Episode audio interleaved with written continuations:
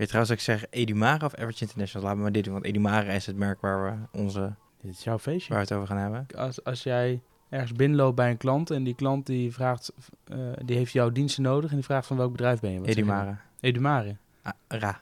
Edumara. Edumare. Ja. Edumare. Dat zouden ze in Groningen zo uitspreken. Je luistert naar de Op de Podcast. Met afleveringen die net zo lang duren als een gemiddeld toiletbezoek. Maar voel je vooral niet bezwaard om er ook op andere momenten naar te luisteren. Deze korte afleveringen zijn bedoeld om jou tussendoor snel wat extra inspiratie te geven. Ik ben Jelle Drijver, ondernemer, spreker en presentator. Zo presenteer ik bijvoorbeeld ook de Jelly Driver podcast. Dat is een andere podcast waarin ik juist langere gesprekken voer met ondernemers, auteurs en andere inspirerende gasten. De lengte van mijn gesprek in deze podcast wordt bepaald door mijn eerste vraag. En dat is, hoe lang zit jij gemiddeld op de pot? Ik, ik, ik, ik doe heel veel andere dingen dan ook daadwerkelijk op de pot zitten. Dus internet kijken, of internet, websites, noem maar op.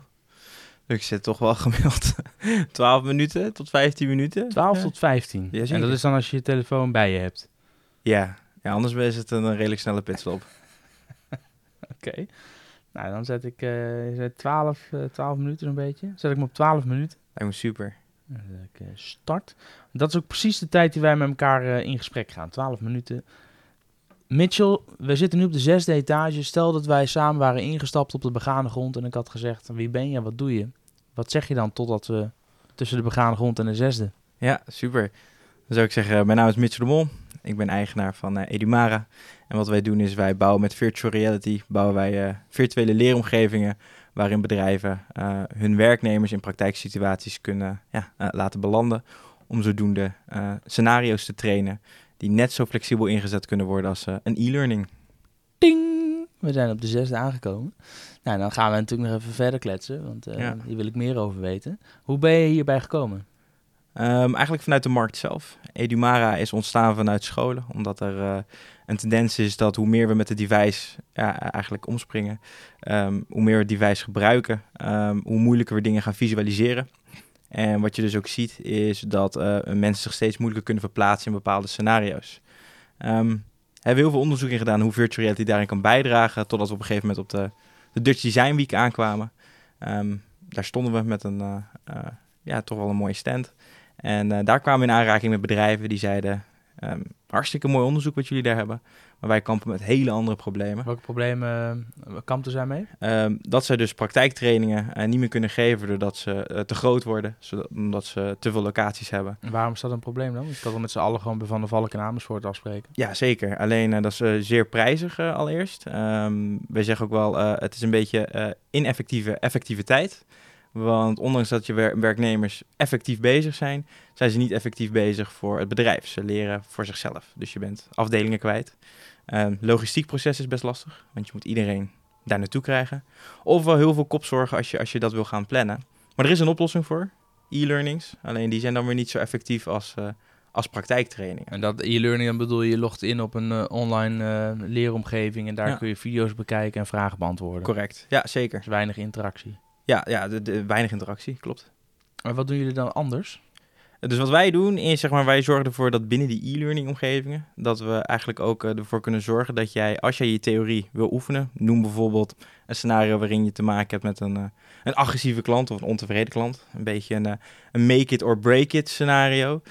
Ja, dat moet je op een of andere manier gaan oefenen. En als het niet met praktijktraining kan, de eerste keer wanneer je het dan oefent, is vaak in een, een winkel of op het, ja, of, op de, in het scenario zelf. Dus daadwerkelijk met de klant. En als organisatie is dat het, ja, eigenlijk het scenario wat je juist niet wil. Ja. Dus wat wij doen is wij zorgen ervoor dat er eh, virtual reality omgevingen komen die je met je mobiel kunt bedienen. Dus je gaat met de bril ga je naar zo'n scenario toe en dan ga je een interactief rollenspel in waarin eh, je daadwerkelijk zo'n eh, scenario traint. Ja, dus je zet een bril op, je staat ineens midden in die winkel. Ja. Het begint gezellig aan de kassa. In één keer gaat die man of vrouw in de flipmodus. En Wat doe je dan? wat doe je dan? En hoe, hoe kies je dan wat je doet? Hè, wordt het dan gepauzeerd en ga je dan praten met een trainer? Of heb je verschillende keuzemogelijkheden in beeld en door je blik te fixeren? Ik heb dat ooit een keer bij, Ja. eh, die heb ik geïnterviewd, eh, Wenda Kielstra. Dus voor de mensen die denken, "Huh, hoe zit dat dan? Consumentenonderzoek via virtual reality Ja, van, ehm, Oscar, uh, eerdere aflevering in uh, mijn Jelly Driver podcast. En dan fixeer je een punt op een antwoord. En als je er lang genoeg naar kijkt, selecteer je die optie. Correct. En dan gaat het scenario dan met die optie verder Correct. en anders met de andere? Oké. Ja, ja, dus het is ook interactief, dynamisch. Ja. Het zal nooit zo dynamisch worden als een echt rollenspel, hè? Nee, maar het scheelt heel veel kilometers en tijd en derving. En, Zeker, ja. ja. kan me er wel iets bij voorstellen. Precies. Wie maakt dan die training? Dat doen wij. Maar... Dus uh, zeg maar, de, het bedrijf heeft zijn e-learnings vaak al op orde. Dus je gaat kijken naar hoe onderwijs effectief is. Dan moet je met drie E's uh, rekening houden. Eerste E is educatie, dat is je theorie. Tweede E is entertainment. En de, derde E is, of de derde E is zeg maar empower, driede. De driede. De driede. Wauw. ja, ja. De derde E is uh, empowerment. En empowerment is de noodzaak waarom je iets wil leren. Hm. Dus uh, uh, wat gebeurt er bijvoorbeeld als je niet die kennis hebt in zo'n situatie? Wat zijn dan de consequenties? Ja. Ja, goed. En, en wij kijken dus naar de e-learning aan zich. Dus hoe ziet die eruit? En waar gaan we dan virtual reality toepassen? En wij ontwikkelen alleen maar die virtual reality module die zij dan weer ja, eigenlijk uh, in hun eigen e-learning kunnen insluiten. En uh, op die manier kunnen inzetten. Oké, okay, want ik kan me voorstellen dat een, een, een, brandweer of een politie weer een hele andere vraag zal hebben dan bijvoorbeeld een ziekenhuis met, met, met patiënten, weet ik veel. Ja. Uh, het lijkt me best een uitdaging voor jullie om dan die trainingen te ontwikkelen in virtual reality, als het zo specifiek voor een be beroepsgroep is. Ja, nou, dat, dat, dat, heb je helemaal uh, goed, want dat is ook een toch? uitdaging. Jazeker.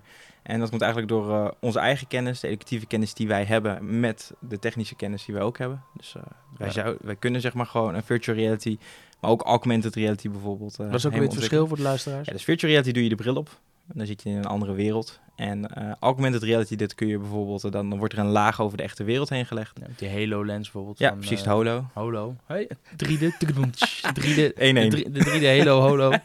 ja, lens van Microsoft. Ja, precies. Ja, dan, dan kijk je, of de IKEA-app is ook een leuk voorbeeld. Correct. Dan zie je gewoon meteen hoe de bank in jouw woonkamer staat. Dat is augmented, ja, AR. precies. AR, ja.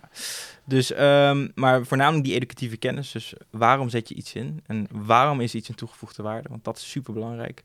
Uh, uh, ja, met die kennis kunnen we best wel snel uh, een, een, een, ja, een training vormgeven. Edu Mara. Edu snap ik, zal educatie zijn, Ja. gok ik. Maar Mara, waar komt dat vandaan? Ja, wij komen dus uh, vanuit het onderwijs. En wij zijn eerst met uh, augmented reality gaan testen in het primair. Ah, ja. Ja. primair onderwijs en uh, voortgezet onderwijs. En toen leek het ons wel mooi om uh, educatie met augmented reality avonturen Wauw. ja, neer te zetten. Edu Mara. ja, ja, grappig. precies. Ja, en nou ja, zoals ik al net zei, dat is doorgegaan. Jij bent gaan ondernemen, hoe lang geleden? Nou, ondernemen doe ik inmiddels al acht jaar. Ja. De vorm waarin we nu bestaan is twee jaar. Wat heb je Ehm, hiervoor gedaan? Dat is dan natuurlijk de, de volgende vraag. Hiervoor heb ik voornamelijk trial and error dingen gedaan. Dus ik ben begonnen met een coachingsplatform, dat heette Step to Milestone. Daar leren coderen wat betreft websites en dat soort dingen, gewoon websites schrijven.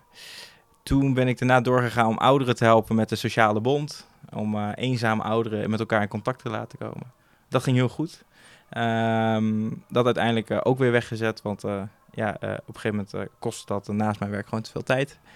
En toen heb ik de klapper gemaakt, zwaailichthelm.nl. Ja, dan denk je zwaailichthelm.nl. Ja? Maar dat was uh, een, een zwaailicht bovenop een helm. Gewoon een webshop met alleen maar dat product. Ja, eigen ontwerp, eigen uh, uh, modelrecht erop. nog steeds. is iets wat ik nooit weg zal doen. Um, dat loopt nog steeds. Ja, dat, dat is nu even stopgezet. Omdat ja, dit, dit voorrang heeft.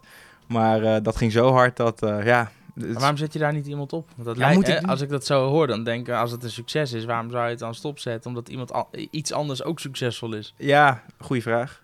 Ja. Nou, als je zit te luisteren en denkt, wat een Ik- kikkerproduct, hé, eh, geef mij een vergoeding, dan ga ik dat runnen Ja, voor uh, ja, Mitchell. absoluut. En, eh, Nou, meld je aan. Ja, Ja. lachen. Het is namelijk ideaal. Hey, terug naar Edumara, want je doet het niet alleen, hè? Wim is jouw commerciële man. Je zegt al, Wiebe. Pardon, Ja. Wiebe. Ehm, en jij hebt eh, de, de codeerervaring en doet het technische en het en consultancy Ja, eh, gedeelte. Correct. Oké. Hoe zijn jullie bij elkaar gekomen? Hoe hebben jullie elkaar leren Ja. kennen? Wij zijn uh, bij een grote telecom uh, provider zijn wij uh, bij elkaar gekomen eigenlijk in hetzelfde team. Waarin ik leiding aan hem gaf. En op die manier was hij altijd wel de eigenwijze binnen het team. Wat ik alleen maar altijd maar kan, ja, kan aanmoedigen. Eigenwijs is goed, vind ik. Ja. Um, en vooral dan uh, uh, verantwoordelijkheid geven over zaken. En hij kon gewoon heel goed met die verantwoordelijkheid omgaan. Wist dingen ook gewoon anders te doen en beter te doen. Waardoor de, ja, de winkel weer beter ging draaien. En Wiebe is een van de weinige mensen die... eh, Van koud bellen houdt. En daar ook nog eens goed in is. En ook nog eens goed is, ja. Ja, wat goed. Dus eh, Ja. nee, dat is... eh, Geen last van telefoonvrees. oh, absoluut niet. Nee, nee, ik moet er ook aan geloven daardoor. Maar ja, ja. Hey, je bent dus acht jaar aan het ondernemen, hè, maar twee jaar hiermee. Hiervoor heb je een soort accelerator-achtig... Nee, hoe was het ook weer? Een soort een coaching pre-accelerator gedaan. Pre-accelerator? Ja, zeker. Wat, wat hield dat in? Ja, dan ga je eigenlijk gewoon leren van hoe, hoe zet je een nieuw innovatief product in de markt. Wat Eh, zijn je lessons learned? Blijf jezelf. Eh, weet waarom je het doet, heel goed. Dus eh, laat je niet drijven door het geld of wat dan ook. Maar heb, ook echt een doel hebben waarom je dingen doet.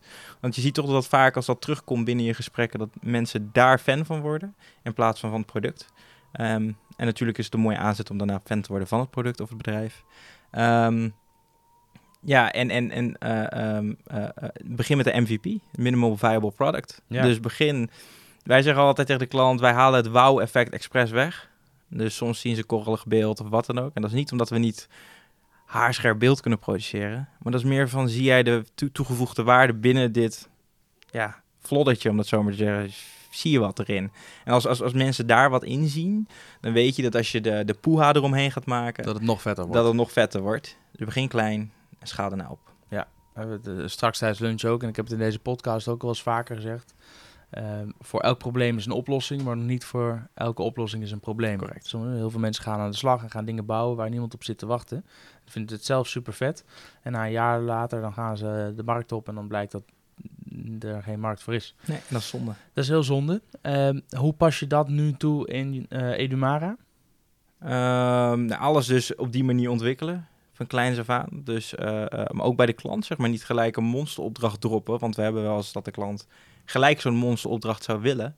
En het is natuurlijk heel gek om dan te zeggen, nou ja, laten we dat doen. even niet doen. Weet je, ik snap dat je het in Europa zou willen uitrollen, maar laten we heel eens even in Nederland beginnen. Laten we eerst eventjes de parameters goed krijgen, zodat we snappen wat is de formule binnen jouw organisatie.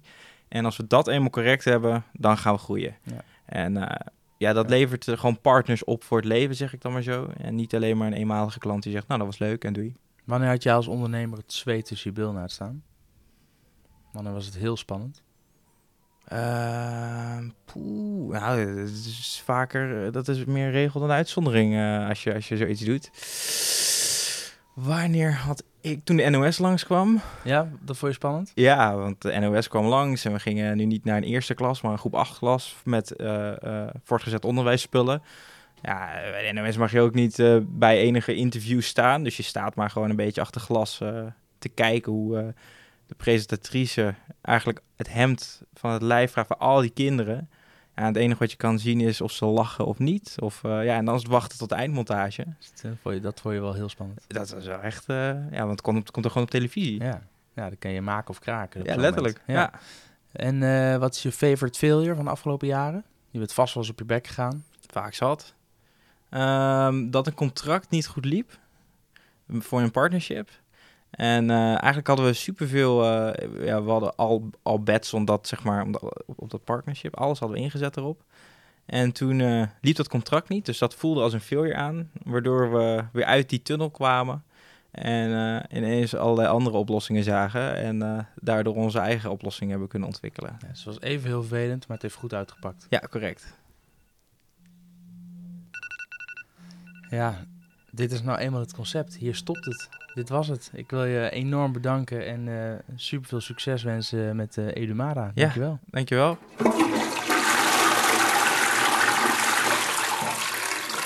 Wil jij ook een keer te gast zijn in de Op de Podcast? Of heb je leuke ideeën of feedback? Laat het me dan weten via info.jelledrijver.nl Alle super enthousiaste positieve reacties zijn meer dan welkom via een rating op iTunes. Zo maak je niet alleen mij heel gelukkig, zo help je ook andere mensen zoals jij en ik deze podcast te ontdekken. Wil je nou toch liever langer luisteren? Ontdek dan mijn Jelly Driver podcast met afleveringen over ondernemen, ondernemerschap, marketing, managementboeken, etc. Abonneer je op mijn Jelly Driver podcast via jouw favoriete podcastplayer. Meer informatie over mij en mijn podcast vind je op jelledrijver.nl slash podcast. En alle social links naar mijn social kanalen vind je in de show notes. Dankjewel voor het luisteren en tot de volgende op de podcast.